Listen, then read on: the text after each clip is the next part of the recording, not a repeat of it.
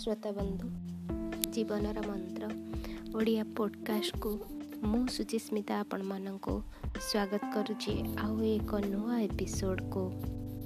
ଶ୍ରୋତାବନ୍ଧୁ ନୂଆ ବର୍ଷର ନୂଆ ଅନୁକମ୍ପା ନୂଆ ଆଶା ନୂଆ ଚେତନା ନେଇ ମୁଁ ସୁଚିସ୍ମିତା ଆପଣମାନଙ୍କୁ ଏହି ନୂଆ ଏପିସୋଡ଼ରେ ଆପଣମାନଙ୍କୁ ବତେଇବି କି? ସଫଳତା ମଣିଷ କେମିତି ପାଏ? ଆମେ ଜୀବନରେ ପ୍ରକୃତରେ ସମସ୍ତେ ସଫଳ ଜଣେ ଜଣେ ସଫଳ ବ୍ୟକ୍ତିତ୍ୱ କିନ୍ତୁ ଆମ ନିଜ ଭିତରେ ଥିବା ଖୋଜକୁ ଆମେ ପାଉନାହାନ୍ତି। କିଏ କେଉଁ କାର୍ଯ୍ୟରେ ସଫଳ ତାକୁ ଆମେ ଦେଖିପାରୁନାହାନ୍ତି। ଆଉ ଜଣେ ଯିଏ ଯେଉଁ କାର୍ଯ୍ୟ କରୁଛି ଆମେ ତାକୁ ଦେଖି ହତ ଉତ୍ସାହ ହେଇଯାଉଛନ୍ତି।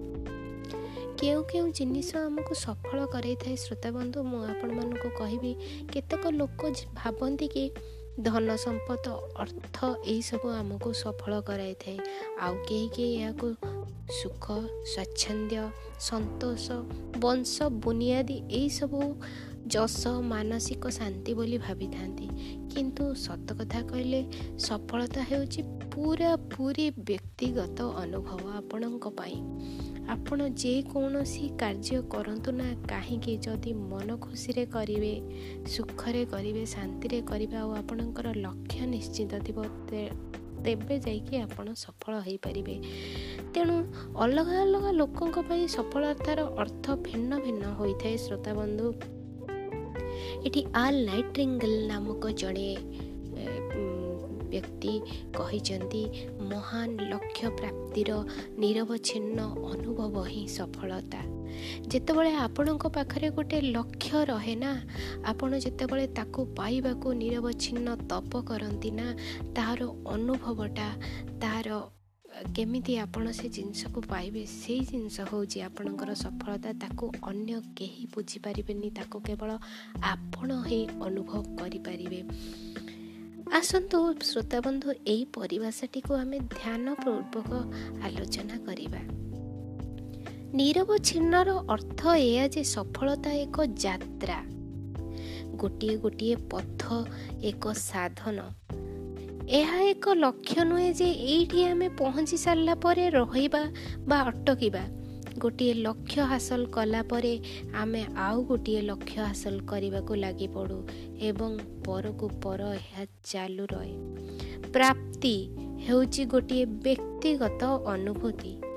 ବାହ୍ୟ ଶକ୍ତି ଗୁଡ଼ିକ ମୋତେ ସଫଳତାର ସ୍ୱାଦ ଦେଇପାରିବେ ନାହିଁ କେବେ ବି ଦେଇପାରିବେନି। ଏହି ଅନୁଭବଟି ନିଜ ଅନ୍ତରର ବାହାରର ନୁହେଁ। ମହାନତା ଆମର ମୂଲ୍ୟବୋଧ ବ୍ୟବସ୍ଥାକୁ ବୁଝାଇଥାଏ। ଆମେ କୁଆଡ଼େ ଯାଉଛେ ଆମର ମୂଲ୍ୟବୋଧ ସକାରାତ୍ମକ ନା ନକାରାତ୍ମକ? ସଫଳତାର ପଥ କେମିତି ସୁଗମ ହେବ? ତାହା ଆମ ଲକ୍ଷ୍ୟର ନୈତିକ ମୂଲ୍ୟ ଉପରେ ନିର୍ଭର କରେ ଶ୍ରୋତାବନ୍ଧୁ ତାହା ହିଁ ସଫଳତାକୁ ଅର୍ଥ ଏବଂ ପୂର୍ଣ୍ଣତା ଆଣିଦିଏ। ପୂର୍ଣ୍ଣତା ଏବଂ ସନ୍ତୋଷ ବିନା ସଫଳତା ଅସାର। ଓ ଫମ୍ପା ହୋଇଥାଏ। ଜୀବନରେ ଲକ୍ଷ୍ୟର ଭୂମିକା ବେଶ ଗୁରୁତ୍ୱପୂର୍ଣ୍ଣ। କାରଣ ଆମର ଲକ୍ଷ୍ୟ ହିଁ ଆମର ଦିଗ୍ଦର୍ଶକ ସାଜେ। ସମସ୍ତଙ୍କ ଦ୍ୱାରା ଗ୍ରହଣୀୟ ହେବା ମାନେ ସଫଳତା ନୁହେଁ। ଏମିତି କିଛି ଗୋଷ୍ଠୀ ବା ସଂଗଠନ ଅଛି ଯେଉଁଥିରେ ମୁଁ ନିଜ ଆଡ଼ୁ କେବେ ବି ସାମିଲ କରିବାକୁ ଚାହିଁବି ନାହିଁ। ମୁଁ ମନ୍ଦ ଭାବାପନ୍ନ ଚରିତ୍ରମାନଙ୍କର ପ୍ରଶଂସା ଠାରୁ ବରଂ ନିର୍ବୋଧମାନଙ୍କ ସମାଲୋଚନାକୁ ଅଧିକ ପସନ୍ଦ କରିବି। ମୋ ମତରେ ସଫଳତା ହେଉଛି ଆକାଂକ୍ଷା ପ୍ରେରଣା। ନୈରାଶ୍ୟ ଏବଂ ଅଧ୍ୟବସାୟର ମିଳିତ ଫଳ। ଏସବୁର ପରିପ୍ରକାଶ ହେଉଛି ଭାଗ୍ୟ। ସଫଳତା ଓ ଆନନ୍ଦ ଉଭୟ ସହାବସ୍ଥାନ କରନ୍ତି। ଆପଣ ଯାହା ପାଇବାକୁ ଚାହୁଁଛନ୍ତି ତାହା ସଫଳତା ଏବଂ ଯାହା ପାଆନ୍ତି ତାକୁ ଖୋଜିବାରେ ହିଁ ଆନନ୍ଦ ମିଳେ। କେବଳ ଖାଲି ଯେମିତି ହେଲେ ଜିଇବାର ନାମ ସଫଳତା ନୁହେଁ ଏହା ଆହୁରି ଅନେକ କିଛି ଅଛି। କେବଳ ଜିଅନ୍ତୁ ନାହିଁ ବଞ୍ଚିବା ଶିଖନ୍ତୁ। କେବଳ ଛୁଅନ୍ତୁ ନାହିଁ ଅନୁଭବ କରି ଶିଖନ୍ତୁ। କେବଳ ଦେଖନ୍ତୁ ନାହିଁ ନିରୀକ୍ଷଣ କରିବା ଶିଖନ୍ତୁ। କେବଳ ପଢ଼ନ୍ତୁ ନାହିଁ ହୃଦୟଙ୍ଗମ କରି ଶିଖନ୍ତୁ। କେବଳ କାନ ଦିଅନ୍ତୁ ନାହିଁ ମନ ଯୋଗ ଦେଇ ଶୁଣନ୍ତୁ। କେବଳ ଶୁଣନ୍ତୁ ନାହିଁ ବୁଝନ୍ତୁ ଏବଂ କରନ୍ତୁ। ଏହା ବଞ୍ଚିବା ଅନୁଭବ କରିବା ହୃଦୟଙ୍ଗମ କରିବା ଶୁଣିବା ଓ ବୁଝିବା ଆଦି ସଫଳତାର ଗୋଟିଏ ଗୋଟିଏ ଗୁରୁତ୍ୱପୂର୍ଣ୍ଣ ଅଂଶ ଶ୍ରୋତା ବନ୍ଧୁ। ଏ ସଫଳତାରେ ଅନେକ ପ୍ରତିବନ୍ଧକ ଆସିବ। ପ୍ରତିବନ୍ଧକ କ'ଣ ସେଇ ପ୍ରତିବନ୍ଧକ? ଅହଙ୍କାର। ଇଗୋ ଯାହାକୁ କହୁଛନ୍ତି। ବିଫଳତାର ଭୟ। କାଳେ ମୁଁ ଫେଲ୍ ହେଇଯିବି? କ'ଣ ହବ? ସମାଜ ମୋତେ କ'ଣ କହିବ? ଲୋକ ମୋତେ କ'ଣ କହିବ? ମୋ ସ୍ୱାଭିମାନର ହାନି ଅଟିବ। କୌଣସି ଯୋଜନା ନ କରିବା। ଆଜ୍ଞା ଶ୍ରୋତା ବନ୍ଧୁ ଯୋଜନା ବିହୀନ ସଫଳତା। ଆମେ ମରିଚିକା ପଛରେ ଭାଗିବା ସହିତ ସମାନ। ତେଣୁ ଆଗେ ଯୋଜନା ତିଆରି କରନ୍ତୁ। ଆପଣଙ୍କ ଡାଏରୀରେ ରେଟିନ୍ ଲେଖନ୍ତୁ। କ'ଣ ଆପଣ ପାଇବାକୁ ଚାହୁଁଛନ୍ତି? ଡେଲି ଡେଲି ଲେଖନ୍ତୁ। ନିର୍ଦ୍ଦିଷ୍ଟ ଲକ୍ଷ୍ୟ ନ ରଖିବା। ଲକ୍ଷ୍ୟ ନ ରଖିକି ଅନା ଦୁନିଆ ପଶିଲେ ତ ପାଣିରେ ପଶିବା ସାଙ୍ଗରେ ସମାନ ଡୁବିକିନା ହିଁ ମରିବ। ଦୋଦୁଲ୍ୟମାନ ସ୍ଥିତି ଦୋଦୁଲ୍ୟମାନ ମାନେ ଦୁଇ ଆଡ଼େ ଭାବିବା ଏପଟ ଭାବିବା ନହେଲେ ସେପଟ ଭାବିବା। ଗୋଟିଏ କନଷ୍ଟାଣ୍ଟ ମୋର ଲକ୍ଷ୍ୟ ଏଇ ଜାଗାରେ ପହଞ୍ଚିବା। କାଳ କ୍ଷେପଣ କରିବା।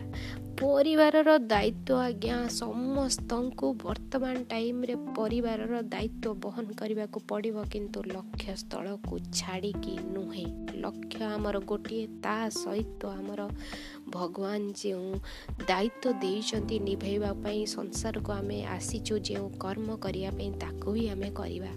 ଆର୍ଥିକ ଅସୁରକ୍ଷା ଆମ ପାଖରେ ପଇସା ନାହିଁ ଏଇ କାମଟା କରିବାକୁ କେମିତି କରିବା? ଏସବୁ ଗୋଟିଏ ଗୋଟିଏ ଆମର ପ୍ରତିବନ୍ଧକ ବା ଅବଷ୍ଟ୍ରାକଲ। ବିଭ୍ରାନ୍ତ ଚିନ୍ତା ମୁଣ୍ଡରେ ଆଜେ ବାଜେ ଚିନ୍ତା ଆମର ପଶି ଆସିବ ବହୁତ କିଛି ପଶି ଆସିବ। ଅର୍ଥ ଲାଳସା ପାଇଁ ନିଜ ଲକ୍ଷ୍ୟରୁ ଓହଳିଯିବା ପଇସା ଆଉ ହେଉନାହିଁ ଘର ଚଳାଇ ହେଉନାହିଁ ନିଜେ ଚଳିବା ପାଇଁ ହେଉନି ଛାଡ଼ ଯାହା ହେଲା ହେଲା ପୁଣି ଆମେ ପଇସା କମେଇବା ଯେମିତି ହେଲେ। ଏକାକି ସବୁ ଦାୟିତ୍ୱ ମୁଣ୍ଡାଇବା।